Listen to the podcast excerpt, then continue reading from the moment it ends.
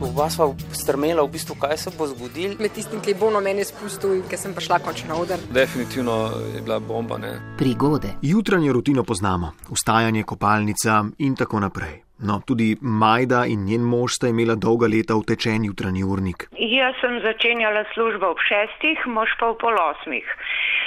Zato sem jaz ostala recimo mal čez pet, pa da sem imela prosto kopalnico, potem sem kavo skuhala. In tako naprej in... do trenutka, ko je mož na hitro oblečen, odšel po avto, jo počakal pred stanovanjem in odpeljal v službo.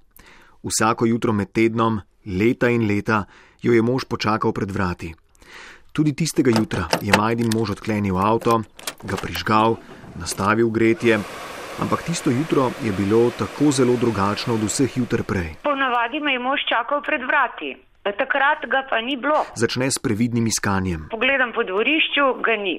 Nasprot bloka so bile triple z garaže in noč sva imela mi, mi dva najeto svojo garažo in on je šel ponavadi v garažo po avto in prpelal pred blok. Takrat pa ga ni bilo, pa ga ni bilo.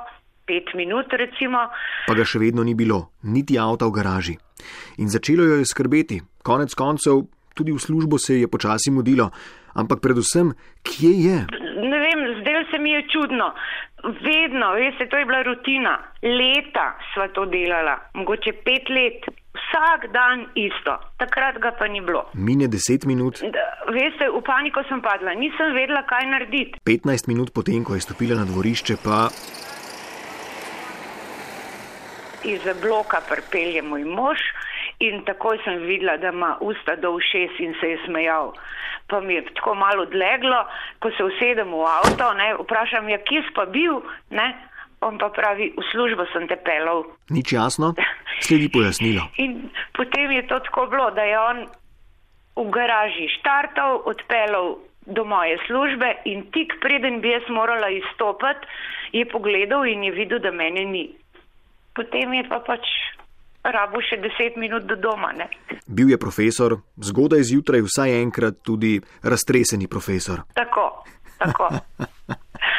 Ja, res. Tudi jutranje prigode z veseljem delim naprej, najprej pa mi jih povejte na nec.jemecaf na rtvslo.si ali na ničena 475 2202.